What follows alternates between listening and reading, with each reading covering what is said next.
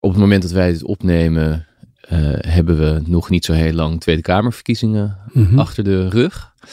Met een eh, uitslag die toch wel veel opzien heeft gebaard. Omdat eh, Zeker. de ja. PVV daar als, als grootste uit is gekomen. En eh, nou ja, terwijl wij hier nu praten, worden er inleidende rondes in de formatie eh, gehouden. Dus, ik ben politicoloog en je weet gewoon dat er in- op de flanken altijd een, bepaald percentage is. Hè? En ik denk dat er nog een andere, eh, twee andere verklaringen zijn. Veel mensen stemmen tegen, dus niet zozeer voor Wilders als wel tegen het establishment. Eh, nou, daar hoort hele linkse hoek ook bij. Hè? Dus dat is van VVD tot en met eh, SP. Dus het is vooral een stem tegen. En ik denk dat mensen, veel mensen, hè, je zult maar vader zijn van een, een, een zoon die problemen heeft. En je moet een anderhalf jaar wachttijd hebben.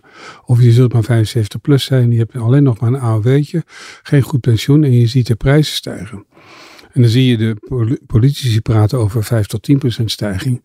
Maar dat is niet je gevoel. Als je, dat is ook niet mijn gevoel. Als ik in de winkel sta, dan denk ik, het is, dit is echt veel meer dan, dan 10 procent. In, in twee, drie jaar heb ik het gevoel dat ik bijna het dubbele in de, in de supermarkt betaal. Dus mensen maken zich heel erg zorgen. Ja, en dan de, de ziektekosten die erg omhoog gaan. Dus ik kan me ook wel voorstellen dat mensen denken, ja, die politici die roepen maar wat, maar het is niet onze wereld. Dus dan stemmen ze tegen. En ik weet niet of tegenstemmen voldoende helpt. Hallo, fijn dat je luistert naar Stuurloos. En ik vertel je deze keer eerst, er komt ook een stuurloos boek. Daarin deel ik alle belangrijke lessen die ik heb opgedaan en geef ik zo goed mogelijk antwoord op de vraag hoe wij Nederlanders een beter bestuur krijgen. De bedoeling is dat het uitkomt in mei 24 en nou is het mooie dat je het al kan bestellen. Via dasmag.nl slash stuurloos. Dat is de uitgever Dasmag, D-A-S-M-A-G.nl slash stuurloos. Dat is voor jou fijn, want dan krijg je echt meteen dat boek, nog voor het in de winkel ligt. En het is voor mij fijn, want ik vind een boek schrijven moeilijk en eh, nou, dan doe ik het ergens voor.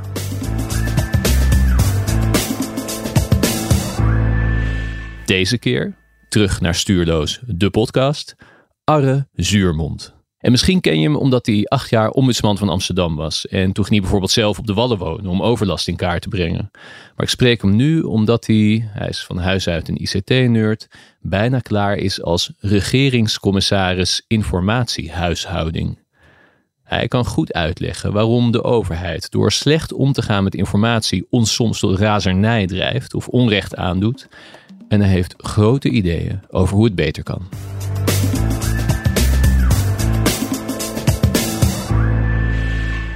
Omtzigt, die heeft, daar ben ik nu wat in gespecialiseerd, die heeft echt ook een beeld van hoe dat nou anders moet. Eh, en die heeft als enige echt een uitgewerkt beeld van hoe die overheid niet functioneert. En tegen zijn, ja, dat is niet per definitie een garantie dat het goed gaat komen. Nee. Maar sommigen zouden ook zeggen, je, je bagatelliseert het ook te veel door te zeggen, die mensen stemmen alleen maar tegen. We moeten onder ogen zien, daar ligt racisme aan ten grondslag, xenofobie. Nee, ik denk dat, eh, dat mensen zich. En, en daar moet je dus. Ik bagatelliseer het helemaal niet. Ik denk dat dat er echt een paar problemen zijn, of grote problemen zijn, waar mensen zich zorgen over maken. Eh, Inflatie is er dan natuurlijk eentje. Ja, In het verlengde daarvan eigenlijk ook wel eh, wonen. Hè, er zijn toch veel mensen die kinderen in huis nog hebben wonen van 25 tot 30, omdat die kinderen geen woning kunnen vinden. En daar wordt niks aan gedaan. En je, je ziet ze dan worstelen en praten over 100.000 woningen per jaar. Maar er wordt eigenlijk de hele tijd gezegd, ja, maar dat gaan we ook niet halen. Moet je daar dan voor zijn? ja. Ja, dus ik snap best wel dat er een, een, een groot aantal mensen oprecht zich zorgen maakt. En dus vindt dat de huidige politieke generatie dat niet gaat, eh, goed genoeg gaat oplossen. Want waarom zou je dat doen? Waarom stem je dan niet op de partij waarvan je denkt, nou, die heeft toch het minst slechte plan om die woningen wel te bouwen of om die wachtlijst in de zorg wel weg te krijgen? Omdat je niet meer voldoende vertrouwen hebt in de praatjes. Ja. Er is wel één ding wat ik nog niet genoemd heb, waar ik denk toch ook meespeelt. Dat is desinformatie. Ik denk dat, eh, dat we onderschatten eh, maar, hoeveel energie er wordt ge- eh, besteed de laatste jaren in het ja, faciliteren van desinformatie. Mhm. Wat bedoel je met faciliteren? Nou, ik heb ehm, van het weekend met bijna verbijstering geluisterd naar de podcast over de, de, de Deventer Mediazaak. En daar zie je eh, dat ehm Maurice de Hond, die toegang heeft tot alle media, financieel heel erg zeg maar, omvangrijk gesteund wordt door een, een, meneer die boos is op, zeg maar, op de OM. En, en die heeft er gewoon een paar ton in gestoken. En Maurice heeft dan toegang tot alle media. En wat ik echt bitter vind aan het eind van die podcast, dan, dan komt de, de veroordeelde man vrij. Want voor men, ik bedoel, het is een heel erg bekend verhaal, maar hij uh, propageerde het verhaal dat niet degene die er uiteindelijk voor werd veroordeeld het had gedaan. Maar, en hij ging nog verder. Hij wees ook een alternatieve verdachte aan die daar heel veel last van heeft gehad. De klusjesman niet heeft gehad, die tot op de dag van vandaag daar heeft, verschrikkelijk last van. Die is eigenlijk veroordeeld. Alle media, wat ik echt pijnlijk vind, hè, er is dus, en dat zegt iets over de mate van vertrouwen in de overheid. Er is een, een, uh, een hemd gevonden hè, van die mevrouw die vermoord is. Met alleen maar DNA van de boekhouder. Hè, niks anders. Uh, met een bloedspat waar zijn, de, zijn DNA in zit. De, de, de NFI zegt, zo helder hebben we het eigenlijk nog nooit gehad. Ja, Nederlands Forensisch Instituut. Ja, uh, en ondanks dat, alle media tot op de dag van vandaag beginnen toch te zeggen, ja, maar het had ook anders kunnen zijn. En dan denk ik, jeetje, wat A, wat verschrikkelijk voor die klusjesman. Maar B, what the fuck? What the fuck? Ik bedoel, uh, we hebben een rechterlijk systeem. Er is een, uh, zeg maar, een onwaarschijnlijk goed uh, zeg maar, apparaat van het NFI, het Forensisch Instituut. Onomstotelijk bewijs. En dan toch, tot op de dag van vandaag, beginnen over zou het niet iemand anders zijn. En dat betekent en dan, dat zie je hetzelfde met Demming is dat gedaan in de jaren negentig. Ja, dat was een, uh, daarna met de corona is het ook Een topambtenaar die van allerlei dingen werd beschuldigd. En daar is toch ook een van de uh, mogelijkheden is dat uh, de georganiseerde misdaad heel veel geïnvesteerd heeft om zeg maar, de top van het OM in kwaad daglicht te stellen. Ja. En, en, en we hebben dus op de een of andere manier, en heeft de media meegedaan, toch wel heel erg veel ehm, wantrouwen gezaaid over hele gewoon eigenlijk best wel uh, scherpe en goede systemen. Weet je, dat ja, de DNA laat eigenlijk zien hoe, mak hoe, makkelijk het is om twijfel te zaaien. Ja, en, en dat noem ik met desinformatie. Daar wordt echt, daar is rond corona is natuurlijk ook heftig gebeurd. Er is ontzettend veel twijfel gezaaid. En dat wordt met soms grote sommen geld uit het buitenland, maar ook uh, ja. van, uh, uit het binnenland, wordt dat gefaciliteerd. Dus dat is ook een deel van de verklaring.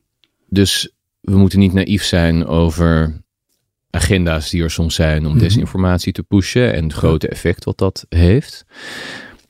Maar dat wantrouwen waar je het uh, in het begin over hebt, mm -hmm. hè, Mhm. dat eigenlijk dat niet meer, niet meer in de praatjes geloven, niet meer denken dat er zicht is op een oplossing. Want dat is Ja. eigenlijk wat je dan zegt. Ja. Dus, hè, ze beloven het allemaal wel, ze schetsen ons wel allemaal dingen, maar we geloven eigenlijk gewoon niet meer dat daar echt wat in zit.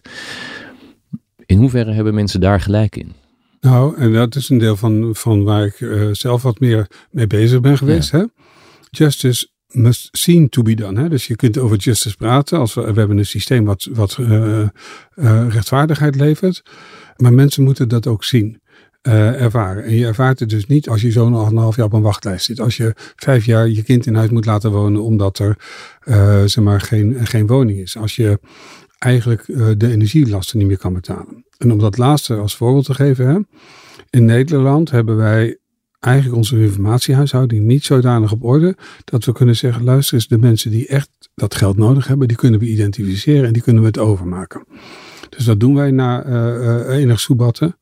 Dan gaan we alle Nederlanders, ook de mensen die in Wassenaar in een uh, multimiljonair-achtige omstandigheid wonen, gaan we het 190 euro toekennen. Ja, Terwijl als je je informatie echt op orde had gehad, had je gezegd, nou, datzelfde bedrag kunnen we ook over 40% van de eh, populatie verdelen.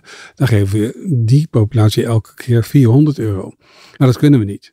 Dat is eh, rechtsgelijkheid, zou je kunnen zeggen, iedereen dat bedrag. Maar het is helemaal geen rechtsgelijkheid, want rechtsgelijkheid is de mate waarin eh, mensen gelijk zijn, moeten ze ook gelijk behandeld worden. Maar de mate waarin ze ongelijk zijn, moeten ze ongelijk behandeld worden. En eigenlijk moeten we dus mensen die echt uh, het geld echt nodig hadden, die moeten we meer geven dan de mensen die het eigenlijk niet nodig hebben. Ja. En dat zien mensen, dat we dat niet meer doen als overheid. Hè? Ja, dan keren ze zich tegen je. Ja. ja, want dit is wat jij de afgelopen tijd hebt gedaan. Ja. Als je zegt regeringscommissaris informatiehuishouding, dan uh, denkt niet iedereen meteen aan allerlei hele reële gevolgen daarvan. Ja. Dat klinkt als een enorme abstractie. Ja. Maar het gaat dus, dit zijn dingen die er, mensen ervan merken. Zeker, Dus. zeker. En dan heb ik dan ook nog uh, om om het moeilijker te maken, er is een abstracte redenering om, om, om dat uit te leggen. Hè. Als je iets wil als overheid, je wilt beleid maken, dan heb je altijd een paar dingen nodig. Je hebt bevoegdheden nodig. Je moet zeggen wanneer het wel en wanneer niet mag en wie dat dan moet gaan doen. Dan heb je geld nodig. En dan heb je mensen nodig, ambtenaren of uh, ander uitvoerend personeel. Die drie dingen zijn eigenlijk goed geregeld. Het staan in de grondwet, artikel 150 tot 110. Ze hebben allemaal een eigen wet, de, de, de comptabiliteitswet enzovoort. Maar in de moderne tijd, zo vanaf de jaren 60, 70, beginnen we eigenlijk te ontdekken dat die drie middelen niet goed genoeg zijn. Niet genoeg sturingspotentieel geven. En dan zie je dat we een vierde instrument beginnen te introduceren. Namelijk, eerst heette dat automatisering, later heette dat digitalisering. Dat middel is totaal niet uh, gestuurd. En dat hebben we overgelaten aan de vrije krachten. Uh, erger nog, we hebben zelfs in de uh, eind jaren 80, begin jaren 90 de, de automatisering verkocht. Hè. Dus Pinkrokade is voor 500 miljoen aan de markt verkocht. Pinkrokade was het oude Rijkscomputercentrum. En we hebben dus eigenlijk de hele sturingspotentieel op dat terrein zeg maar uitbesteed. Met dank aan nieuw public management, hè, de privatiseringsgolf. En we kunnen er dus niet op sturen. Terwijl het is, je informatiehuishouding moet je zien als, als een soort mise en place. Als ik uh, ga koken en ik kook voor een wat grotere groep, dan moet ik de spullen allemaal klaar hebben staan. Ja, hè? Doe je dat ook echt wel eens? Um, ik ben een rommelaar, dus dat... Uh... maar in theorie zou je een mise en place... Of iemand ja. anders zou een mise en place ja, ja, mijn broer doet een mise en place. Okay. Ja, dus die zet, die zet alles klaar. Die kijkt of de messen er zijn, of er een zeef ligt en of de pannen klaar staan enzovoort. Hè? Ik begin altijd uh, te panieken halverwege het koken. Ja, dan kan jij bent uh, eigenlijk meer zoals onze overheid yes. met de informatiehuishouding. Ja, ja, eigenlijk wel. En, maar het punt is, hè, dus, um, je moet informatie klaar hebben staan voor de professional die ermee moet werken. Ja. En die informatie hebben wij niet klaarstaan. We hebben het gewoon niet zo georganiseerd. Voorbeelden, het zijn soms pijnlijke voorbeelden. Als wij ontdekken dat er 1150 kinderen uit huis zijn geplaatst, hè, dan kost het ons meer dan een jaar om een discussie te hebben over de vraag: mogen we de informatiecomponenten die we nodig hebben, mogen we die bij elkaar brengen? Dat ja, we nog niet eens even gedaan. dit getal, dat, was, dat waren gezinnen die getroffen waren in een toeslagenschandaal. Ja. En daar was het idee van: het lijkt wel alsof ze vaker uit huis worden geplaatst. Nee, het zijn de kinderen. Dus het zijn, uh, het zijn 50.000, 60.000 getroffen gezinnen. Ja, precies. Maar de... Van daarvan zijn er ongeveer 1150 ook de kinderen ja, dat uit, bedoel ik. uit huis genomen. Hè? Dus die zijn de, bij de ouders weggehaald. Dus ja. we zeggen, 70, maar, en het idee was dat gebeurt in die groep veel vaker dan bij andere mensen. En daar willen we meer over weten. Ja, of zou kunnen zijn dat wij die kinderen als gevolg van het wangedrag van de overheid, waardoor er stress Ja. was in het gezin. Ja. En als gevolg van die stress hebben we gezegd het is niet veilig. Maar de overheid was de veroorzaker van die stress. Ja, dus dat wil je dan weten. Dat wil je weten en eventueel ongedaan maken. En alleen al de discussie of je de informatie bij elkaar mag brengen om, om die kinderen te identificeren, die kost bij, in Nederland een jaar. Dat die kinderen uit huis geplaatst zijn. En je zei eigenlijk, bij wijze van spreken, de volgende tracht- dag, als het zou kunnen, want het was, het was ingewikkelder, uh, wil je ze terughalen. Dat kunnen we niet. En net zoals uh, we kunnen de mensen niet in identificeren die die energiesubsidie echt nodig hadden. Een ander pijnlijk, uh, extreem pijnlijk voorbeeld komt uit mijn tijd als ombudsman. Hè. Ik ben hiervoor ombudsman geweest. Ja, acht jaar in Amsterdam. Acht jaar. En op een bepaald moment belt een man me op en die zegt: Ja, ik heb een auto. Uh, ik ben autohandelaar en die auto staat achter slot en grendel hier in Friesland. Daar staat hij al maanden. En dan krijg ik van die rare gemeente van u, krijg ik boetes. En als ik dan bezwaar aanteken, honoreren ze dat bezwaar niet. Maar hij staat gewoon hier achter slot en grendel. Want wat voor boetes waren dat dan? Boetes voor niet betalen bij parkeren. Oké. Okay. Dus alsof hij zijn auto in Amsterdam had geparkeerd. Ja. Dan moet je weten, als criminelen criminele dingen beginnen te doen, dan stelen ze een auto. Dan gooien ze het oorspronkelijke kenteken weg. Uh, ze kijken dan op internet bij dealers naar uh, precies dezelfde auto, grijs, uh, zeg maar hetzelfde merk, hetzelfde jaartal. En dan, nou, die dealer heeft toch vaak ook, sommige dealers doen dat nog steeds helaas, zeg maar zichtbaar het kenteken. En dan kopiëren ze dat kenteken, maken ze een nieuwe kentekenplaat, een vervalste ja. kentekenplaat. En dat plakken ze op die gestolen auto. Nou, de politie die zoekt naar het oude nummer. Zal dus nooit iets vinden, want dat uh, nummer ligt in de gracht, zou ik maar zeggen. En maar ze weet niet van het nieuwe nummer. In dit geval was het nieuwe nummer vijf keer beboet, twee keer uh, op 300 meter afstand van het huis van Dirk Wiersum. In de maand voorafgaand op, uh, op de moord op Dirk Wiersum. En wat je dus dan weet is... Dat is de advocaat van de, van de kroongetuigen ja. in het uh, ja. Taghi-proces. Ja, dus je weet wat criminelen gedaan hebben. Die hebben natuurlijk uh, ja, geobserveerd. En die hebben een dagritme uh, moeten reconstrueren. En dat zijn voorbereidende uh, activiteiten voor ja. de latere moord. Dat doen ze in gestolen voertuigen? Dat doen ze in gestolen voertuigen. De gemeente krijgt een signaal. Dit is een gestolen voertuig, althans, er is een kenteken. En dat zal waarschijnlijk op een gestolen voertuig zitten, want het echte auto staat hier achter slot de grendel. En wat doet de gemeente? En dat is typisch uh, bureaucratisch, zeg maar, verticaal denken. Die zegt, nee, wij hebben een taak, bezwaarschrift afhandelen. Daar heb ik ongeveer vijf minuten per bezwaarschrift voor. He, ik heb een manager hijgend in mijn nek. Ik wijs dat af. En ik heb niet meer de tijd om een collega van mij bij de politie op de hoogte te stellen van het strafbare feit. Wat overigens tegen de wet is, want elke ambtenaar die een strafbaar feit ziet, moet dat eigenlijk uh, moet dat melden. Ja. Dat gebeurt niet. En wat ik nou beschrijf, het is een heel simpel voorbeeld, maar wat ik beschrijf is het verschil tussen uh, zeg maar, bureaucratieën die verticaal georganiseerd zijn en moderne organisaties die veel meer in processen denken en in horizontale verbanden. Ja, en je laat eigenlijk consequenties zien van wat er gebeurt als die informatie niet op ja. Orde is. Want het is inderdaad, uh, ja, dat wordt bijna, het is hier ook wel eens langsgekomen, bijna als een soort gegeven. Hè, van ja, die informatiehuishouding is nou eenmaal uh, een puinhoop. Dat wordt eigenlijk ook allemaal erkend, ook door topambtenaren. Ja. Maar het gaat dus van uh, ja, maatregelen waar heel veel Nederlanders mee te maken krijgen, wel of niet steun bij een energierekening, ja. tot aan opsporingsbelangen eigenlijk. Want daar gaat het om in je laatste voorbeeld, toch Ja. tot aan het aanpakken van hele schrijnende situaties, zoals bij die. Het is eigenlijk over de breedte van Ja. alle plekken waar de overheid mensen Ik ontmoet. moet toch een kleine nuance maken. Oké, Ik, uh, ik doe dat soms wat hardhandig, dus ik weet niet of het een nuance is. Hè? Maar um, je hebt een afdeling halen en een afdeling betalen. ja. Dus de overheid heeft uh, zeg maar afdelingen waar ze geld haalt bij burgers. Oh ja, en daar is het beter op orde. En daar is het beter op orde. Okay. Zie onze vooringevulde aangifte. Ja. Hè? Daar, hebben wij, daar heeft de overheid er dus voor gezorgd dat onze verzekeringsgegevens, onze bankgegevens, onze werkgeversgegevens allemaal uh, up-to-date verzameld zijn. Hè? En hoef jij alleen maar oké okay te zeggen. Ja. Als, het, als het goed is. En daar is helemaal geen probleem met privacy.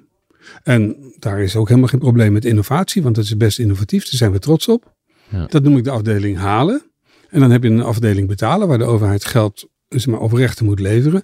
En dan zegt die overheid, ja, dat is wel een beetje moeilijk. Hè? En innovaties lukken me niet zo. En het mag niet van de privacy. En dan denk ik, nou, ik vind dat, dat er een duidelijk verschil is tussen informatie op orde in de, in de halenafdeling ja. en in de betalenafdeling. Nee, want dat was inderdaad, uh, net toen jij dat voorbeeld van die uit huis geplaatste kinderen noemde, is dat natuurlijk inderdaad het eerste uh, wat in je opkomt. Van ja, Nederlanders zijn ook wantrouwend over allerlei instanties die maar data over hen ja. uitwisselen. Hè? Waar blijft dat allemaal? Wat is allemaal voor wie toegankelijk? Dus, dus er kunnen soms misschien goede redenen zijn voor dat soort obstakels. Maar jij signaleert in elk geval, de overheid is selectief in waar het die obstakels ja. opwerpt. Ja, en, nou, of waar ze die obstakels wegruimt. En hoe verhoudt dat zich dan tot wat je net in het begin al heel kort even aanstipte, de vermeende incompetentie en het gebrek aan sturing van die overheid. Want ook daar hebben we het hier wel eens over gehad. Dus het een gebrek aan expertise op meerdere terreinen, maar ook op ICT-gebied.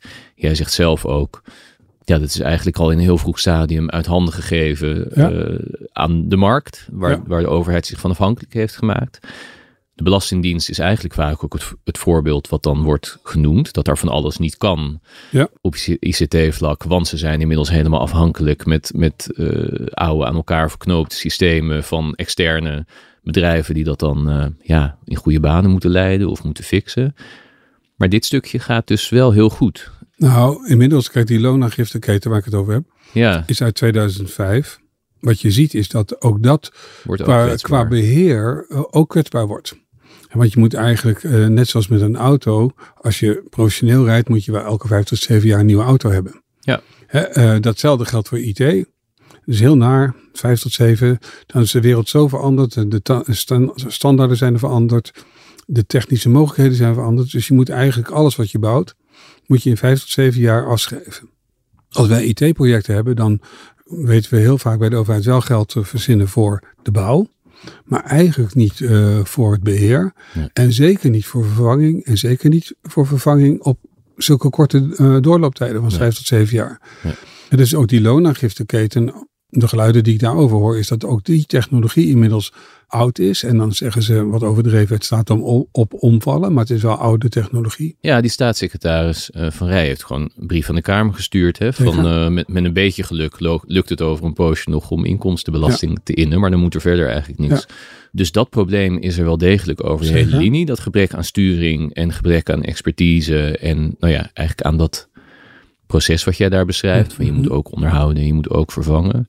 En binnen die beperkte mogelijkheden heb je dan nog een prioriteitsstelling waarbij de overheid meer gericht is op halen dan op brengen ja, in jouw ja, dat is, uh, ja. ja. Ja. Misschien eventjes, voordat we daarover verder gaan, want hoe lang ben jij nu regeringscommissaris? Twee jaar. Twee jaar. Wat was eigenlijk je opdracht? Wat werd er aan je gevraagd? Nou, toen ze oh, moet je lachen? Nou, ze begonnen met een opdracht en daar, uh, ik kreeg het profiel toegestuurd met het verzoek of ik wilde uh, solliciteren. En na een week belden ze op, u solliciteert niet. En ik zeg, nee, ja, jullie, er zit geen enkele ambitie in, in die opdracht. Dus waarom zou ik uh, nog uit het pensioen terugkomen voor iets waar geen ambitie voor uit Want je was met pensioen eigenlijk Ik was eigenlijk met pensioen, ja. ja. Wat vervroegd, maar ik was met pensioen. Toen heb ik dus uh, in het gesprek de, de opdracht eigenlijk groter kunnen maken. Ja, want wat was dan eerste vraag? Nou, de eerste vraag was: kun je de informatiehuishouding en eigenlijk de documenthuishouding van het Rijk op orde brengen? Oké. Okay. Nou had ik dus drie bezwaren tegen. Informatiehuishouding moet je eigenlijk voor het hele overheid, zo niet voor de publieke domein op orde brengen, want informatie stroomt. En niet alleen het Rijk. Niet alleen, als je dat, dat is een eilandje eigenlijk. Ja, dus ook de gemeente, ook de uitvoeringsorganisaties. Ja, maar ook de woningcorporaties, ja. de ziekenhuizen, de scholen. Dus, uh, iedereen die met publieke belangen werkt. Precies, precies. Ja. Want informatie moet stromen. Je wilt eigenlijk dat, uh, dat het ook in het publieke domein wordt opgelost en niet zozeer door, door de overheid zelf. Dus dat was de eerste. Het tweede was, het gaat wel heel erg over documenten. En dat is wat er in de beleids- en bestuurskokers in, uh, zeg maar in Den Haag op die vierkante, vierkante kilometer belangrijk is. Ja. Maar ik heb het ook heel vaak over gegevens. En dan heb je het over DUO, het CJIB, de Belastingdienst, de UWV. Een aantal van dat soort organisaties. Die werken met gegevens. Want die hebben gewoon bepaalde gegevens nodig in hun dagelijkse werk, precies, in hun dagelijkse ja. contact met burgers, ja. om ja. daar dingen voor elkaar te krijgen. Zeker. En uh, het is nu ge gebeurd naar aanleiding van de KOT-affaire. En daar was de notitie Palme. Was Wat voor affaire? De KOT kinderopvangtoeslagaffaire. Ja. En um, die, die, die kinderopvangtoeslagaffaire, die uh, liet zien dat wij uh, de notitie Palme die konden vinden. He, ja, die Sandra Palme, die is hier ook geweest. Die heeft er uitgebreid over verteld dat zij... Hij heeft in 2017 um, schreef ze als juridisch adviseur bij de dienst toeslagen van de Belastingdienst eigenlijk al heel exact op ja. Wat er misging uh, in ja. het toeslagenschandaal. Dus, uh, dus enorme, uh, eigenlijk onterechte terugvorderingen, ja. betalingen die ineens werden stopgezet. En het heeft jaren geduurd voordat ja. dat advies van haar boven water kwam. Zowel voor de Kamer als voor ons. En er was discussie van heeft de directeur-generaal het nou wel of niet gezien? Hè? Ja, is het nou dook, wel... dook op in een presentatie, Precies. maar je kon Precies. weer niet helemaal hard maken dat hij het met zijn eigen ogen had gezien. Precies, allemaal die discussies. Nou, dat is een document. En dat is heel erg belangrijk, hè, want dat moet onder andere als de Kamer onderzoek doet, ook naar de Kamer gestuurd kunnen worden. Maar de kinderopvangtoeslagaffaire ging al in 2006 fout. Ja. En eh, hij ging fout in de uitvoering, omdat de overheid aan mensen vroeg: wat denkt u te gaan verdienen? Zou eigenlijk diezelfde overheid een deurtje verder de lonengifteketen al had lopen. En de overheid eigenlijk had kunnen zorgen, als die lonengifteketen nog ietsje slimmer was ingericht, had de overheid die vraag nooit hoeven stellen. Want dat is exact die vraag waarvan je net Ja, al zei dat ze het zo Ja. netjes van tevoren invullen. Ja. Ja. Nou, inmiddels noem ik dat eigenlijk uitlokking, wat je als overheid doet. Want mensen hebben soms geld nodig. Je biedt ze een open vraag. Ze kunnen liegen, ze kunnen zich vergissen. En dan ga je, overigens pas drie jaar later, ga je controleren of datgene wat ze hebben gezegd klopt met wat je zelf al wist. Ja. Ja. En dan zeg je, goh, u bent fraudeur. En je vraagt ze, je stelt ze die vraag, want het zijn inkomensafhankelijke Ja, toeslagen. Ja. Dus, het, dus de mensen die veel toeslag nodig hebben, die verdienen weinig. Ja. En die hebben dus een prikkel om dat zo gunstig mogelijk, om die toeslag te krijgen, in te vullen. Ja. Ja, en eh, ik noem dat uitlokking, hè, omdat je eh, ze de ruimte daarvoor geeft. Maar wat ik veel erger vind, is dat je het achteraf gaat controleren en dan pas drie jaar later en dan zegt u bent fraudeur. Ja. En eh, ik denk dus, eh, als, als we dat goed hadden gedaan in 2006, dat we 80 tot 90 procent van de terugvorderingen hadden kunnen voorkomen. Wordt dit genoeg begrepen? Want er is een ontzettend dominant beeld Ja.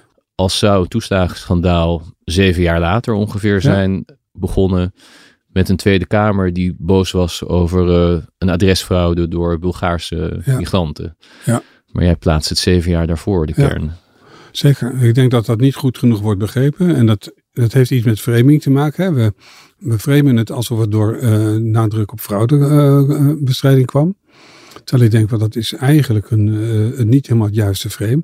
Ik moet wel zeggen dat die fraudebestrijding wel heel heftig fout is geweest. Hè? Ja. Dus dat kan dan ook nadat je het niet goed georganiseerd hebt. Hè? Dan kan dat ook wel heel erg uit de hand lopen daardoor. Dus ik wil zeker niet zeggen dat die fraudebestrijding niet het probleem was. Maar, die vloeit hier eigenlijk uit voort. Die vloeit hieruit voort. En je, hebt, je, hebt een, je hebt een constructiefout gemaakt. Ja. Waarmee de fraude bijna zelf als overheid hebt georganiseerd. Ja. En dan komt aan het licht dat die er ook is. Ja. Als je het zo wilt noemen. Hè, dat kan je, dan, daar kan je dan ook over Ja. twisten. En dan krijg je een heftige tegenreactie met die niets ontziende fraudebestrijding. En die dan ook nog wat eh, zeg maar oneerlijk uitpakt eh, richting bepaalde bevolkingsgroepen. Hè? Ja. En daar is dan ook weer, een, eh, ik noem dat dan systemisch racisme. Was, lange tijd mocht dat niet zo genoemd worden. Maar wat er gebeurt is dat mensen die wat, wat kwetsbaarder zijn, hebben, die hebben vaak nul contracten. Die worden in de reguliere kinderopvangverblijven vaak niet toegelaten, hè, omdat ze niet voldoende zekerheid kunnen bieden. Dus die moeten meer naar de marginale instellingen. Die marginale instellingen hebben ietsje vaker hun eh, administratie niet op orde. Dan gaat va- ietsje vaker iets fout. Hè? En Ja. dan worden ze, daardoor hebben ze een veel grotere kans om, om ge- gepakt te worden, Ja. betrapt te worden. Ja. Eh, We zijn nu, dat is helemaal mijn schuld, een enorm zijpad opgelopen, maar wat wel, wel een heel belangrijk zijpad.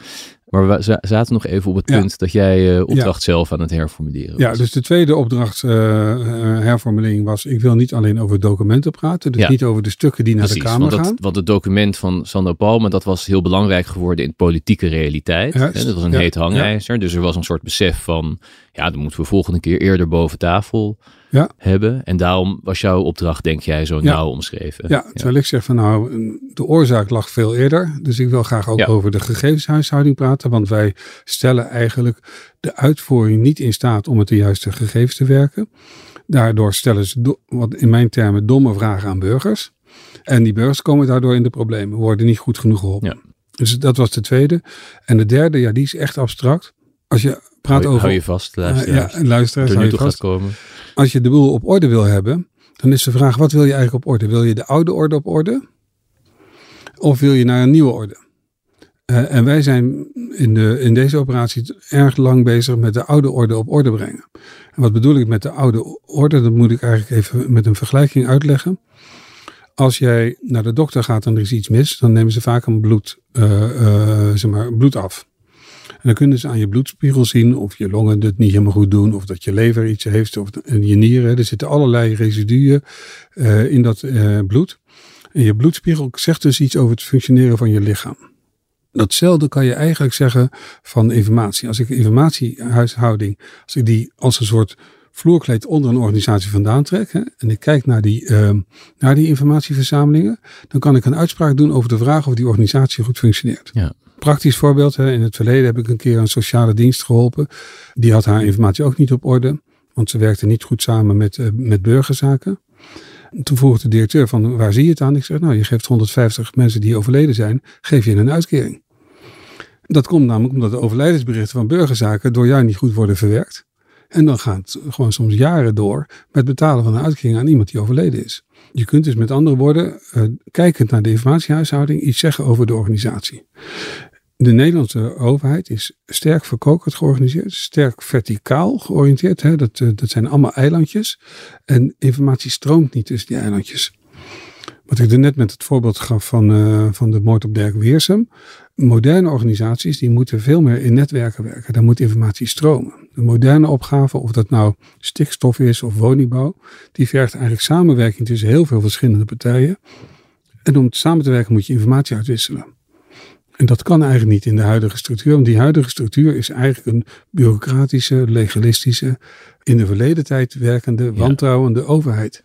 Die verkokerde structuur, hè, dat woord wordt vaak gebruikt. Dan heb je eigenlijk aan de top wordt iets bedacht en Ja. het moet worden gedaan.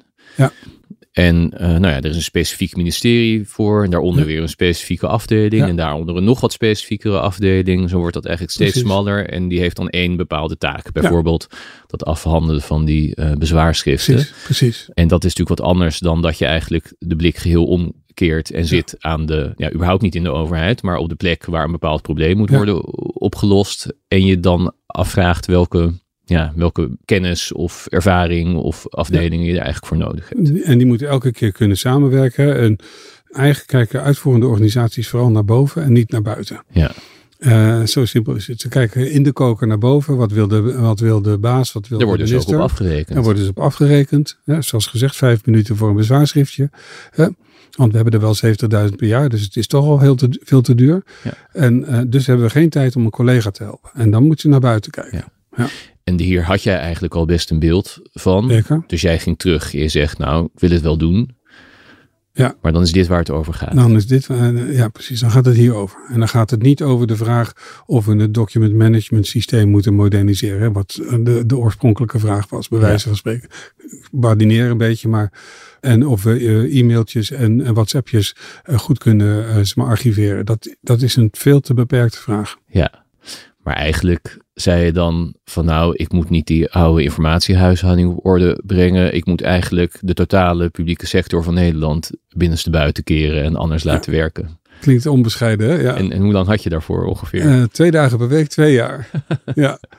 Uh, dus dat is, dat is natuurlijk een onmogelijke opgave. Ja. Maar wat je ben je ergens gekomen? Ja, ik, ik vind van wel een paar praktische dingen. Om één ding te noemen, hè? als je natuurlijk zegt wij willen, dat vind ik ook zo pijnlijk, hè? als er een bovenzoek wordt gedaan, doen we er 160 dagen of 161 ja, dagen Dat is de oude WOP. De WOP, uh, dat is de wet uh, open, open overheid. En op grond daarvan mag elke burger, maar in de praktijk ja. zijn het vaak media, mag informatie Ja, vragen van publieke organen. Nou, daar doen we 160 dagen over, terwijl de norm 42 is en je kan een beetje uitstel krijgen. Dus we halen die, die norm absoluut niet. Als je nou kijkt waarom dat zo is, hè, dan, dan moet je wat dieper duiken in, in de beleidsdepartementen. En wat kom je dan tegen? Dat, dat allemaal hardwerkende mensen, maar ze werken wel met hele oude spullen. Ze werken met Outlook. Hè. Ik weet niet of jij met Outlook werkt, maar um, dat is echt oud. Ja. ja. Het moet eigenlijk niet een Outlook met een T zijn, maar met een D. Hè? Ja. Eigenlijk moet je niet meer met Outlook willen werken. Uh, ze werken met, nog met harde schrijven waar ze documenten op opslaan. En als er dan uh, een, een vergaderstuk komt, dat zag je ook bij de notitie Palmer, dan, wat we doen we dan? Dan sturen we als medewerker een attachment in Outlook aan, uh, aan de secretariaat van die vergadering. Hè? En die zetten dan op de vergadering. Nou, de baas uh, heeft het al zwaar genoeg, dus wat krijgt de baas? Die krijgt dan een applicatie die heet IBABS. IBABS. IBABS. Ja. En met IBABS kan je de documenten als hem op een iPad een beetje aardig leesbaar maken. Maar je kan er niet goed in schrijven. Dus als je dan vindt dat het niet helemaal goed is als baas, dan moet je weer naar een andere applicatie. Nou, ik heb nu al vier of vijf applicaties genoemd, die allemaal los van elkaar staan. Ja. En in die beleidsomgeving worden die allemaal door elkaar, maar los van elkaar gebruikt. Ja. En vervolgens zeggen we, ja, maar je moet je e-mailtje zo goed archiveren. En dan zeg ik, nee, je moet gewoon niet willen e-mailen. Houd toch op met e-mailen. Dat is gewoon heel ouderwets. is per ongeluk geïntroduceerd in de jaren 80, 90. ja? Ja. Zonder na te denken hebben we dat geïntroduceerd. Dat moet, dat moet eruit. Moderne mensen werken niet met e-mail. Dan heb je een platform en dan heb je een bepaalde opgave waar een groep professionals uit verschillende disciplines bezig is. En op dat platform zet je documenten. En als, als jij het moet lezen terwijl ik het heb gemaakt, dan stuur ik jou in dat platform een, een, een berichtje, wat dan ook automatisch gearchiveerd wordt. Van joh, wil jij ook even meekijken? En dan kan, kunnen we samen in dat document Ja. werken. Van dit Maar- soort lulligheden hangt het dus eigenlijk Ja. aan elkaar. En wat ik nou bereikt heb, want dat was je vraag, Ja. hè, is dat ze zeggen, oh ja, daar, daar eh, en de, gelukkig was de staatssecretaris hier ook eh, eh, een fel voorstander van, want die heeft ook op andere plekken gewerkt waar het beter was. Ja, En dus is er nu gezegd, we gaan, dat heet dan deftig. is dat van Huffelen? Ja, dat is van. Huffelen. We gaan een werkomgeving van de toekomst introduceren. Dus we gaan eigenlijk die, die hele manier van werken, waarop al die beleidsdepartementen werken, met documenten, met Outlook, met IBABs en, en, en dat soort oude meuk, gaan we vervangen door een, eh, wat eigenlijk in het bedrijfsleven internationaal al helemaal normaal is, door een veel modernere infrastructuur. Zodat als ik als journalist kom en zeg, ik wil graag eh, alle informatie hebben over thema X eh, Ja. in die en die periode, Ja. zoals dat werd behandeld, dat er dan geen hele batterijen uh, mensen aan het werk gezet hoeven te worden om dat allemaal te gaan schiften in al die verschillende applicaties. Maar dat kan je dan eigenlijk ook uit die infrastructuur tillen, als precies. het ware. Ja, zo klinkt het als een technisch dingetje eigenlijk wat opgelost moet worden. Je zegt ook dat mhm. e-mailen is eigenlijk één grote vergissing van de mensheid. Ja. Maar er is, zijn misschien ook wel redenen waarom de mensheid dat toch lekker vindt. Want dat moderne beeld wat jij schetst, zoals je het graag zou willen, mhm.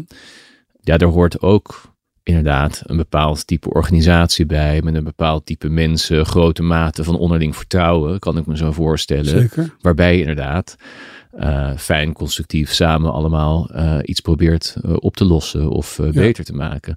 Mensen houden ook heel erg van e-mail. Bijvoorbeeld, omdat nou, dan heb je het vastgelegd. Dan heb je een verantwoordelijkheid ergens anders neergelegd. Je hebt een baas in de CC gezet. Ja, dus het is natuurlijk niet voor niks zo'n groot succes. Dat is eigenlijk ook hoe mensen graag werken. Jij stipte net al eventjes aan, bijvoorbeeld de concurrentie die er tussen verschillende ministeries is. Ja, ik denk dat uh, een, jongere mensen niet meer zo willen werken. Dus dat is ook een generatieprobleem. Maar je hebt absoluut gelijk. Er zit een cultuurkant aan en een structuurkant aan. En het bijzondere is dat uh, in een bepaalde cultuur krijg je altijd keuzes voor bepaalde software. Dus in een bureaucratische cultuur gaan we hele bureaucratische financiële administratiesystemen kiezen is ook een gemeente, om een grappig voorbeeld te geven, die zei van nou, weet je, die reisdeclaraties, die zijn eigenlijk zoals we dat nu doen heel erg gebaseerd op wantrouwen en heel veel papier. Weet je wat we doen? We openen een apart bankrekeningnummer. Daar autoriseren we al onze medewerkers op. En als jij gereisd hebt, mag jij gewoon van die bankrekening het bedragje uh, zeg maar, afschrijven op jouw rekening wat jij nodig hebt. Totaal, en dat gaat goed. Dat gaat goed. Ja. ja, er zal 1% controle zijn. En als jij dat onterecht hebt gedaan, echt fout hebt gedaan, dan is vandaag einde uh, oefening. Maar dat gaat uit van vertrouwen. En dan zie je dus hoe zeg maar, wantrouwen leidt tot een heel erg specifiek soort informatietechnologie. Die heel erg bureaucratisch is, die heel erg traag is, die eigenlijk heel veel additionele problemen veroorzaakt. Terwijl als je qua cultuur een andere keuze maakt, krijg je ook een andere automatisering en een, andere digitalisering. Ja. ja, jij en ik waren een tijdje geleden op een bijeenkomst en er zaten verschillende mensen bij, vooral van gemeentelijk niveau, mhm. eh, wethouders, uh, ambtenaren. Daar werd mij zo ontzettend duidelijk. Hè? Het gaat heel vaak over het wantrouwen uh, tussen overheid en burgers over en mhm. weer. Wij begonnen daar aan het begin van het gesprek ook even over.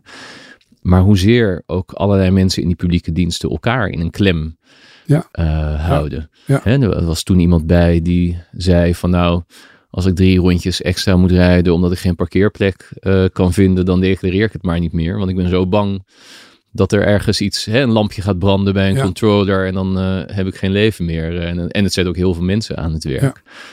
Dus het zit helemaal ingebakken in, die, in die overheden zelf. En dat komt eigenlijk door die organiseervorm die we gekozen hebben. We hebben een bureaucratie, hè? En die is eigenlijk al gebaseerd op wantrouwen. En daar zit automatisch veel controle in. Maar dan ontdekken we fouten. En dan is de reflectie van een bureaucratie is meer bureaucratie, meer regels, nog meer controle. Terwijl eigenlijk die bureaucratie zelf het probleem is. Vandaar dat ik die derde uh, voorwaarde heb gesteld. Uh, en die gaat dan over transformatie. Ik heb gezegd, luister, ik wil niet de oude orde op orde hebben. Want dan ga ik die bureaucratie aanvegen. Nou, die wil ik helemaal niet aanvegen. Want die bureaucratie is eigenlijk een deel van de oorzaak van het probleem. Ik wil dat er eigenlijk veel modernere organiseervorm introduceren die veel meer uitgaat van vertrouwen, die proactief is in plaats van reactief en die veel meer naast die burger gaat staan, maar ook naast die professional. En want we hebben nu een groot aantal stafafdelingen georganiseerd om die professional heen. Die stafafdelingen hebben als het om IT gaat en uh, digitalisering heel vaak meer te zeggen dan die uitvoerende professional. Dus wat doen die stafafdelingen? Die bevredigen hun controlebehoeften door extra eisen te stellen aan die IT, waardoor die, die professional eigenlijk steeds meer klem is geraakt. Ja. Ik pleit dan ook voor een soort professional bevrijdingsfront. Hè? Ja. Uh, en ik zei, nou, luister, we moeten eigenlijk weer die, die professional leren vertrouwen in zijn relatie met, met die burger. Dus we moeten ons de vraag stellen, hebben wij alles eraan gedaan om die professional te laten excelleren in zijn of haar relatie met die burger. En of dat nou een verpleegkundige is, of een leerkracht, of een uh, politieagent. En nu is het helemaal niet meer zo. Hè. Die politieagenten besteden 50% van hun tijd aan administratie. Dan zijn ze dus niet bezig in die wijk. Maar dan zijn ze bezig met allerlei stafafdelingen van informatie te voorzien, omdat die stafafdelingen ze zo graag controleren. Ja. Nou, moet je je voorstellen dat je, dat je daar 20% van kan afsnoepen. Hè? Dan praat je over 10.000 agenten die eh, zeg maar weer op straat kunnen zijn, in de wijk kunnen werken. Nou ja, en wij merken dit. Hè? Om, Ja. eh, dus eh, om daar toch ook nog even op terug te komen van waarom hebben mensen nou zo weinig vertrouwen of zijn ze zo in de contramine? Ik heb dat zelf bijvoorbeeld ook heel erg bij de zorg, hè, waar ook er wordt hele tijd voorgespiegeld van het moet allemaal wel minder worden met het personeelstekort. Hè, dat kan niet anders. En tegelijkertijd, iedereen die wel eens met zorg in aanraking komt, Ja. het slaat je direct in het gezicht wat er allemaal verloren gaat aan inefficiëntie, aan dubbele handelingen, aan Ja. vier verschillende instellingen die in één flat aan het werk zijn, aan eh, gegevens die je zelf, eh, volgens mij heb jij daar pas een eh, voorval Zeker, mee gehad ja. op LinkedIn, Ja. zag ik dat je zelf maar je gegevens van, van dokter naar dokter moet brengen in de hoop dat het allemaal goed gaat. Tot drie keer toe werd ik gebeld hè, of ik de medicijnen van mijn broer, of ik kon uitleggen welke medicijnen die hij gebruikte. Ja. Want hij lag zeg maar, buiten bewustzijn op de IC. Hè? Ehm, en ze- tot drie keer toe en zelfs de laatste keer drie dagen na dato. Hè?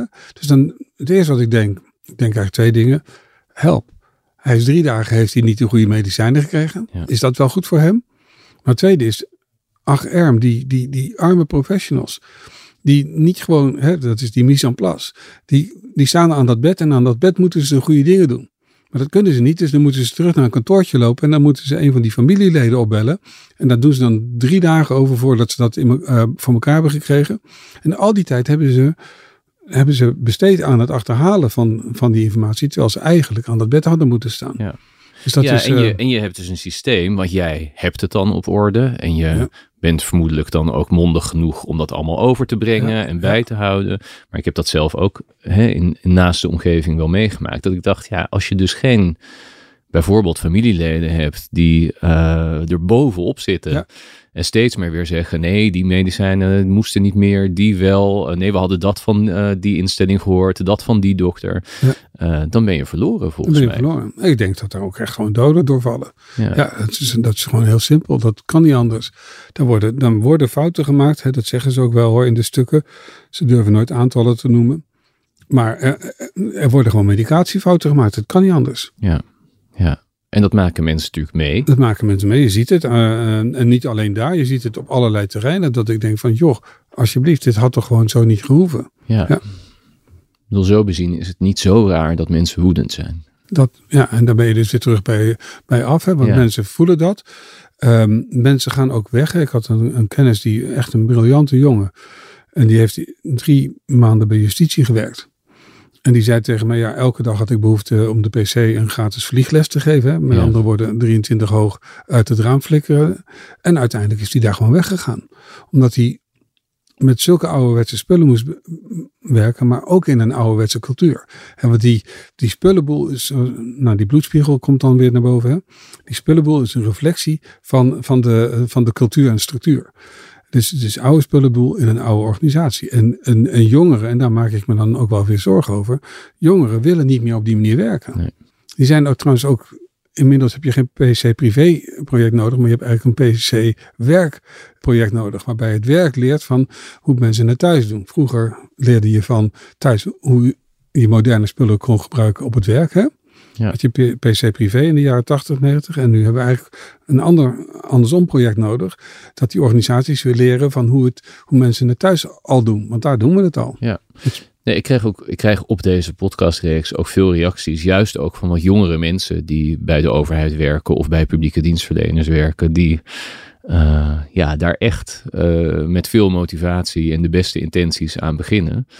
Eh, maar die het echt wel als volhouden ervaren Ja, ja. vaak. Eh, Ja. Een beetje vechten tegen de bierkaai met dit soort dingen. Zingend door het moeras, eh, zeggen we dan. Ja. Ja. En nu zeg jij, nou wat er gelukt is, is de staatssecretaris ziet dit ook. Ja. Maar ja, dat is een, een scheidend staatssecretaris Inmiddels, van ja. D66 Ja, ja, ja. eh, inmiddels. Bovendien is mij inmiddels ook wel duidelijk dat tussen dingen onder ogen zien en iets erkennen en dat er wat gebeurt, Ja. Kan ook nog wel heel veel zitten. Zeker. Is, heb je meer geoogst? Ehm, nou ja, ik ben eh, ook bezig met een informatiewet. die is eigenlijk op een haar na uh, inhoudelijk klaar. Maar daar komt hij weer. Uh, het aantal mensen wat zich daartegen verzet is best wel groot. En dat zijn mensen die in dat oude paradigma zitten. Ja, want kan je iets zeggen over die wet? Het is eigenlijk, uh, hij regelt onder andere de rechten die wij als burgers ja. hebben op dit terrein, ja, op dit informatiegebied. Ja, En, en uh, regelt is niet helemaal het goede woord, want dat wordt al in bijvoorbeeld de privacywet en in de, WO, de wet open overheid geregeld. Mm -hmm. Maar hij herhaalt die rechten en zegt dan, als dit nou de rechten zijn waar je aan moet voldoen, dan is dit eigenlijk, dit zijn dit de normen waar je informatiehouding aan moet doen. En omdat dat best wel stevige normen zijn, moet de sturing op die informatiehuishouding ook verbeterd worden. Want personeel hebben we goede sturing voor, financiën hebben we goede sturing voor, rechten hebben goede sturing voor, maar voor de informatiehuishouding hebben we geen sturing geen adequate sturing. Dus ik probeer dan te zeggen van luister eens, als dit nou de rechten van die burgers zijn en dit dan de normen waar de overheid aan moet voldoen, dan hebben we gewoon veel meer sturing nodig op, de, op het e-dossier, zoals dat heet. Dus er zou een nieuwe en hopelijk zelfs een minister van digitalisering moeten komen, die veel meer doorzettingsmacht heeft over de informatiehuishouding. Ja, want nu valt het onder binnenlandse zaken. Ja. En dat is niet zo, relatief niet zo machtig, eh, nee. uh, zei net. Of in elk geval, het was minder machtig dan financiën. Ja, ik maak er altijd een flauw grapje over in het buitenland. Hè. Het heet het Ministry of the Interior, maar ik noem het het Ministry of the Inferior. Uh, omdat het, uh, als het gaat om financiën, het is natuurlijk een heel ander machtspositie. Dus je hebt eigenlijk zo'nzelfde soort machtspositie nodig. En of dat dan binnenlandse zaken moet zijn, je kunt dan beter misschien inderdaad een apart ministerie voor digitalisering doen. Ja. En dan zeggen we, nou, dat is eigenlijk een, ja, een horizontaal ministerie die al die andere ministeries uh, zeg maar, op het vestje kan spugen als er iets ga ja, gaat. Die positie heeft financiën natuurlijk en dat is heel ja. logisch, ja. want alle andere departementen zijn afhankelijk van geld. Ja. Dus als de minister van Financiën op de rem gaat staan of iets niet vindt kunnen of iets niet uh, gebruikt vindt worden zoals het hoort, dan kan hij letterlijk precies, precies. Uh, de kraan dichtdraaien. En uh, informatie is het nieuwe goud. Hè? Ja. Dus als dat nou het nieuwe goud is en misschien belangrijker voor het goed functioneren dan geld, dan moet je daar toch op kunnen sturen. En dat kunnen we niet. En dus is het een, een zootje. En is het verkokerd? Is het, is het heel erg gefragmenteerd? En kunnen we dus eigenlijk niet adequaat reageren op, op maatschappelijke opgaven? Of dat nou stikstof is, de, de, de bouwcrisis. Uh, en, zo kunnen we er nog wel een paar noemen. Maar we hebben eigenlijk gewoon niet uh, de informatiehuishouding uh, zodanig op orde dat we daar snel en adequaat op kunnen reageren. Ja. Alleen, maar misschien is dat te cynisch. Geld heb je voor alles nodig. Ook als je helemaal niet zo ontzettend bezig bent met problemen daadwerkelijk op te lossen, maar je bent bezig met je eigen organisatie vooral in stand te houden, of met belangen, of met posities, of bij al die dingen komt geld heel goed van pas. Maar die kun je ook allemaal prima doen zonder goede informatie. Ja, dat is wel heel cynisch, hè? Maar de, um, ik denk dat elke organisatie die iets wil, zodra je iets wil, buiten. Hè? Tenzij je gewoon lekker met je eigen navel bezig wil zijn, dan uh, ga je ja, gang maar. Maar er komt wel eens voor, toch? Dat uh, mensen met hun navel bezig zijn. Of uh, ja, zo, je bent er na al die jaren ook niet helemaal naïef gebleven. Er zijn best organisaties die erg naar hun navel staren. Overigens is dat meer in de beleidsomgeving dan in de uitvoeringsomgeving. Ja. Want daar, daar voel je gewoon direct of je het fout doet. Hè? Als je die betaald hebt voor de AOW niet op tijd af hebt, dan staan er gewoon 3,5 miljoen, mens, 3,5 miljoen mensen die bellen op op maandagochtend van het geld ja. is niet overgemaakt. Ja. Dus ten aanzien van die organisaties zou ja. zo'n informatieministerie ook de echte macht hebben. Want, want daar voelen ze het als het misgaat. En... Ja, maar uh, ik denk zodra je iets wil, hè, als je beleid wil maken, dan moet je kunnen uitleggen waarom er iets misgaat in die samenleving.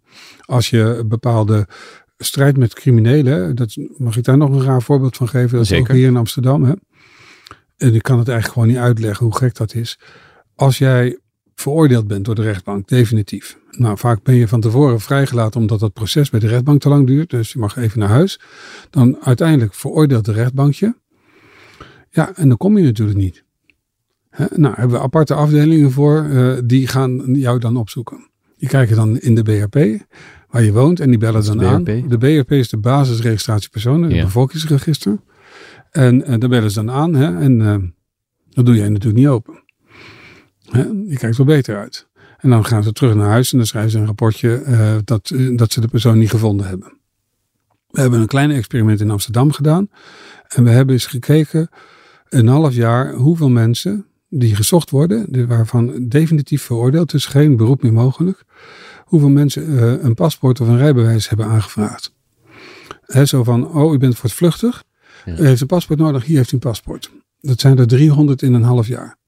En dat is weer zo'n voorbeeld van die samenwerking. Hè? Dus je kunt eigenlijk die regisseurs die nu aanbellen op plekken waar niet wordt open gedaan, kan je veel beter op een stoel naast burgerzaken zetten. En als je dan zeg maar, uh, je paspoort hebt gehaald als voortvluchtige, dan kan die zeggen van, goh, wat toevallig dat u hier bent. Wilt u met mij meegaan? Want we hebben nog een appeltje met u te schillen.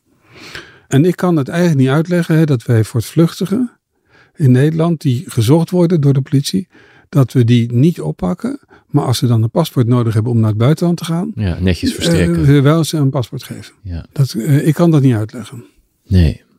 En toch kan je kan je, je voorstellen dat er ergens in zo'n overheid met langs elkaar heen werkende afdelingen toch ook iets geruststellends zit. Of eigenlijk andersom gezegd, jouw pleidooi is, is wel voor een enorm ja, efficiënt informatiedelende overheid met netwerkachtige teams die allemaal in een platform met die informatie lekker aan de slag gaan om alles beter te maken.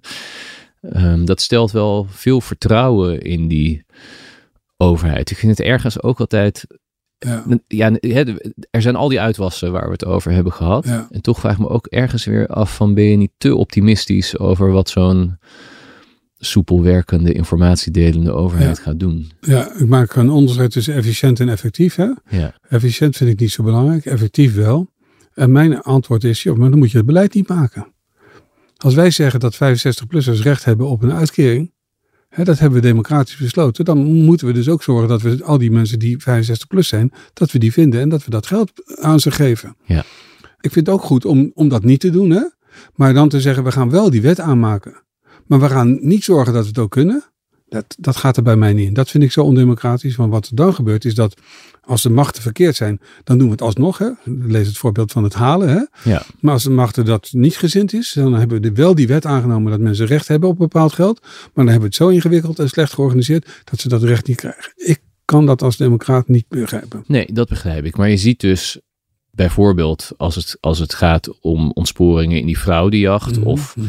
nou ja, een, een ander bekend voorbeeld inmiddels dan toeslagenschandaal was bij uh, Duo, hè, waar studenten met een migrantenafkomst veel vaker werden aangemerkt als potentieel fraudeur en op de huid gezeten. Dus er zijn nu al mhm. tendensen ook in die overheid om informatie op die manier Zeker. Uh, te gebruiken. Zeker. Er kan, uh, kunnen regeringen aantreden, er kunnen democratische besluiten in Nederland uh, worden genomen. die mensen bijvoorbeeld op nationaliteit, dubbele nationaliteit gaan afzonderen of op andere persoonskenmerken op een manier die misschien wel heel gruwelijk ja. uitpakt. En die zitten dan straks misschien ook uh, lekker vrij te werken op jouw informatieplatform. nou, um, een paar dingen. Het eerste is dat je, ik pleit ook heel erg voor uh, openbaarheid. Hè? Dus dat uh, de publieke opinie, geholpen door journalisten, heel veel informatie boven tafel mag krijgen, zodat daar niet alleen door de Kamer wordt gecontroleerd, maar ook door individuele burgers, maar ook door belangengroepen en door, door, de, eigenlijk door de media, door de journalistiek. Dus dat, eh, dat vind ik gruwelijk belangrijk, want ik geloof heel erg in, uh, in een stelsel van machten en tegenmachten. En in die zin is het ook niet zo verkeerd dat er wat interne tegenkrachten zijn binnen zo'n apparaat. Hè? Dus dat is goed. Dat is gruwelijk belangrijk. Maar uiteindelijk, uh, als je het goed organiseert, hè, dan herstel je dat vertrouwen. Als je het niet goed organiseert, dan groeit het wantrouwen. En dat is een veel groter gevaar voor ons dan het vertrouwen. In België, in de Kruispuntbank, dat is een van de best practices die ik uh, beoordeel en volg. Sorry, wat? De Kruispuntbank in België. dat is een, eh, een, een, netwerk die, die, die kan de dingen die ik uh, beschreef, die kan dat eigenlijk best wel goed. Ja. Daar is een wet op gemaakt. Uh, de wet op de Kruispuntbank. En die hebben een vreemde mogendheidsbepaling. Dus daar hebben ze de informatie zo georganiseerd dat het alle informatie tussen organisaties moet altijd over dat ene kruispunt. En de minister van Sociale Zaken heeft een code. En als die dat invoert in dat netwerk, dan blaast dat netwerk zich op. Want de Belgen hebben wat vaker met uh, invaller uh, te maken gehad, onder andere van Nederland, dan, dan Nederland. Hè. Dus ze hebben uh, heel nadrukkelijk een regeling opgenomen om dat ook weer ongedaan te maken. Nou, dat kan met moderne technologie Overigens veel beter dan met papier. Hè? Ehm, je kunt een paar harde schijven eigenlijk best wel makkelijk, uh, makkelijker wissen dan uh, archiefdozen. Ja. Dus dat zou moeten. Maar ik denk dat transparantie en goede controlefuncties eigenlijk veel beter zijn dan zeggen, nou weet je wat, zullen we het maar slecht organiseren en dat dan ook nog in transparant houden. Ja. Ja. Nee, ik snap dat doelbewust slecht organiseren. Ja. ja. Dat dat misschien niet het meest reële. Ja. Dat moet je het gewoon niet doen. Hè? Ik vind het ook goed als ze zeggen, uh, we hebben geen verzorgingsstaat, maar we doen gewoon een laissez-faire-achtige staat of een uh, ja. verzor uh, heet dat ook Nou, ik denk wel steeds, ik denk wel steeds vaker bij dingen, misschien moet de overheid het niet doen. Ja, ik denk precies tegenovergestelde. Ik denk dat de overheid hè, eigenlijk steeds belangrijker wordt, omdat er um, een, een groot aantal maatschappelijke vraagstukken zijn die kennelijk niet opgelost kunnen worden door het bedrijfsleven of door individuele burgers. Wat wel heel erg nodig is, wat ik dan van maatschappelijking noem. Ja. Dus we hebben heel veel meer maatschappelijke krachten nodig die samen met die overheid of desnoods helemaal in een eentje. Maar ik denk dat in moderne situaties je vaak uh, coöperatie of co-productie nodig hebt. En dat die overheid uh, die is echt cruciaal als het gaat om het organiseren van vertrouwen. Ook onderling vertrouwen tussen burgers. Nee, maar dan vinden we elkaar toch meer dan het even leek. Dat denk ik namelijk ook. Precies. Dus ik denk dat er heel veel kracht en ook zin zit bij mensen om dingen ter hand te nemen en met elkaar uh, voor elkaar te krijgen. En dat je wel een overheid zou willen die dat ondersteunt. Precies. Ja. Maar dat is natuurlijk niet meestal wat er wordt bedoeld met de overheid gaat iets doen. Nee als de overheid iets gaat doen, betekent het meestal: gaat u maar opzij. Ja. En dan komen wij hier met dit enorme apparaat aan. Ja. En dan gaan we dat allemaal doen op een manier ja. zoals u het eigenlijk oorspronkelijk niet bedoeld had. Uh, en met allemaal enorm ongewenste neveneffecten. En daardoor denk ik vaak, ja. Nee, dat is, uh, is echt grappig dat je dat zegt, want dat ben ik helemaal met je eens. Maar dat heeft met die bureaucratische cultuur te maken. Als wij bureaucratie hebben, die, die nemen het echt over. Terwijl als je goede professionals hebt, He, dus die uitvoerende uh, medewerkers moeten niet meer bureaucraten ja. zijn, maar die moeten eigenlijk weer terug naar een professionele maar die autonomie. moeten toch gewoon de macht? Ja, die moeten de macht, ja. ja. ja. Maar dat, ja, ook dat, want ik, ik mag nu soms ook praatjes houden en zo Ja. op plekken. En zeker als er dan beleidsmensen zijn, dan zeg ik dat ook. Ja, dan wordt er een beetje schaapachtig gekeken. Het is natuurlijk nooit echt de bedoeling. Want dan gaat het echt over wie heeft er over wie iets te zeggen. Wie verdient er meer geld. Zo plat is het ook gewoon. Zeker. Dit gaat ook over mensen die geld en macht uit handen moeten geven. Ja, maar ik ben een oude man en dat kunnen de kijkers niet zien of de luisteraars niet zien, want ik heb grijs haar. Hè? Maar eind jaren 80, begin jaren 90 waren de uitvoerende professionals, die, dat waren echt nog professionals die veel macht hadden. Ja. En we hebben met dank aan het New Public Management en met da- dank aan het proces van bureaucratisering, hebben wij, of dat nou de, de medewerkers, eh, de leerkrachten op school zijn, de, de, Ja. zeg maar, de verpleegkundigen, we hebben eigenlijk al die beroepen gebureaucratiseerd. Ja, ik leg hem toch even uit, want eh, de term is wel vaker gevallen in deze reeks, maar lang niet iedereen hoort en onthoudt alles. Maar nu public management en eh, verbeter me als ik het grof doe. Eh, maar het idee eh, dat je een overheid kon hebben die met gebruikmaking van mechanismen die men ook in de markt gebruikte, heel efficiënt Ja. kon werken. Maar als je een bureaucratie. Afrekenbaar ook. Ja, als je een bureaucratie de opdracht geeft om efficiënt te werken, hè, Ja. dan krijg je een efficiënte bureaucratie. Ja. En dat is er wat er de laatste 30 jaar gebeurd is.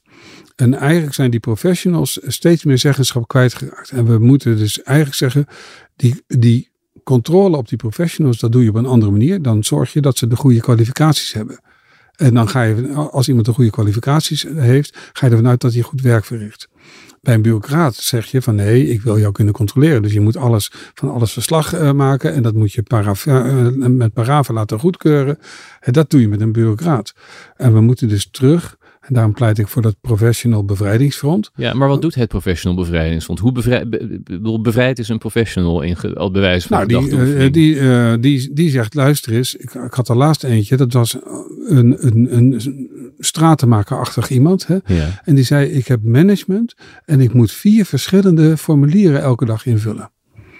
Over wat ik, eh, de, ene heeft een, de ene baas heeft een Excel-sheet bedacht, dan moet ik die Excel-sheet invullen. De volgende baas heeft een geinig appje bedacht, dan moet ik elke dag die, dat appje invullen. En zo zijn er nog twee afdelingen die En ze met de afdeling planning, daar moet hij de werkbriefjes uh, voor invullen.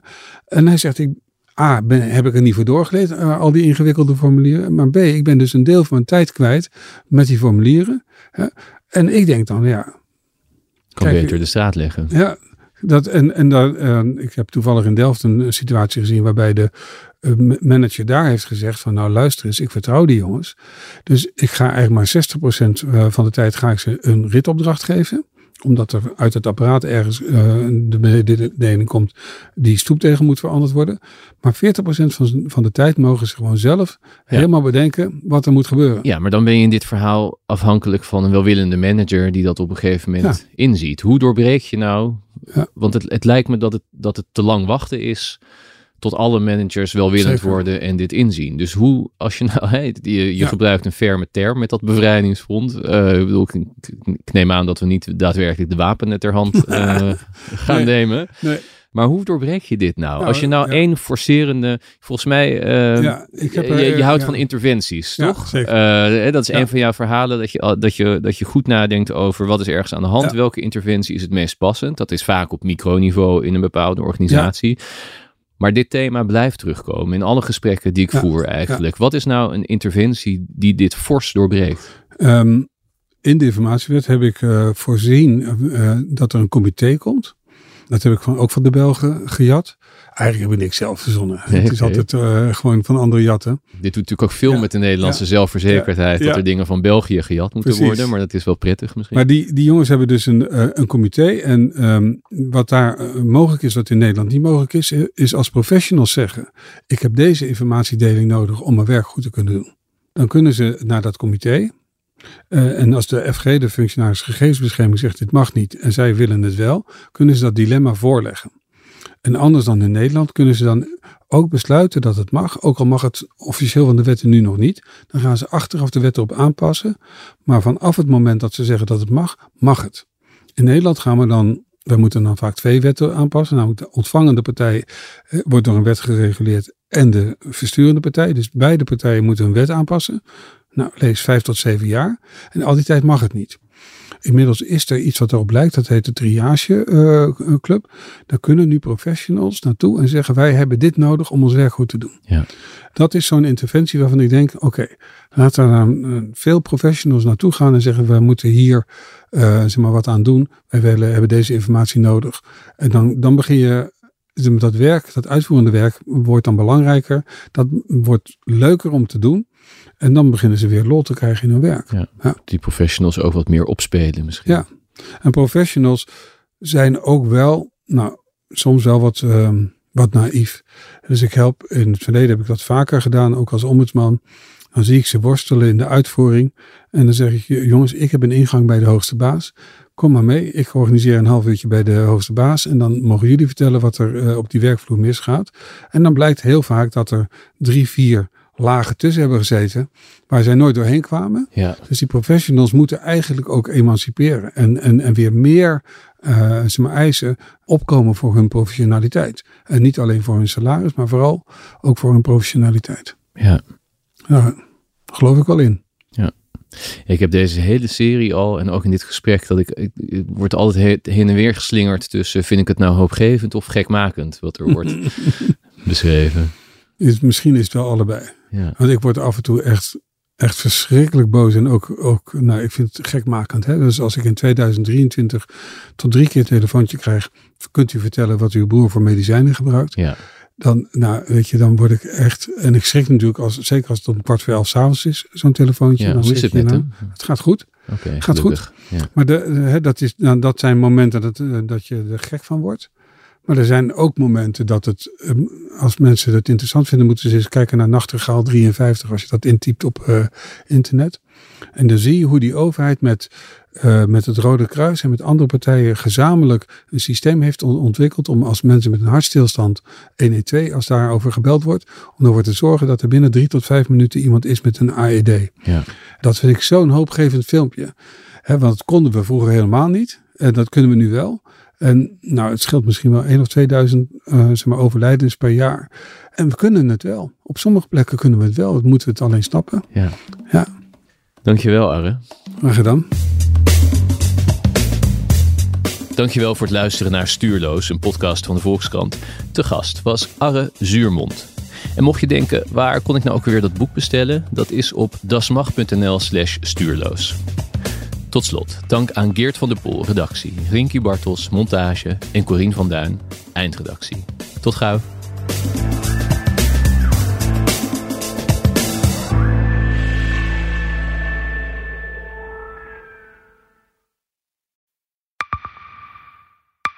Zijn leven is overhoop gegooid. Plus dat heel veel mensen hem niet geloven. Vrienden niet, die, die denken, ja, hij is gewoon gek geworden. Hoe naar moet dat zijn? Als je vertelt over de meest indringende ervaring uit jouw leven en niemand gelooft dat je het echt hebt meegemaakt. Ja, ik vind zelf niet dat ik het verzonnen heb, maar sommige mensen denken dat wel. Maar hoe kom je erachter of jij je doelwit bent van een geheime dienst? Ik heb ook wel eens meegemaakt dat je het idee hebt dat inlichtingdiensten in je geïnteresseerd zijn. En dan kun je wel heel veel zien, wat er misschien helemaal niet is. Als ik s'avonds nog iets ging eten, dan volgden die mensen mee naar het restaurant. En dan terug van het restaurant naar het hotel. Als zij op een gegeven moment zei, kijk maar uit, want anders word je dadelijk nog voert ook. Shit, ik moet hier weg. Dat is, dat is niet goed. Nu word ik gevolgd. Een soort Truman Show is het gewoon. Hè? Alsof dat hele straatbeeld voor jou is ingericht. Maar dan wel met bedoeling jou niet door te laten. Dit kan geen toeval zijn. Een nieuwe podcast van de Volkskrant. Mijn naam is Simone Eleveld en samen met Huid Modderkolk ontrafel ik een bizarre operatie van de geheime dienst. Wat het doel ook is, jij verliest het. Ik werd opgepakt, heel lang ondervraagd. Maar hoe krijg je grip in een wereld die zo onderzichtig is? Als je zou liegen, dan zou je niet de meest relevante informatie twee jaar later tussen neus en lippen doorvertellen. Er zal nooit iemand zeggen: Oké, Bart, ik geloof je. Nooit, nooit. Dit kan geen toeval zijn. Vanaf 3 oktober bij de Volkskrant. Ik weet niet of ik ook alles kan vertellen. Het is echt te bizar. Wat? Um, ja.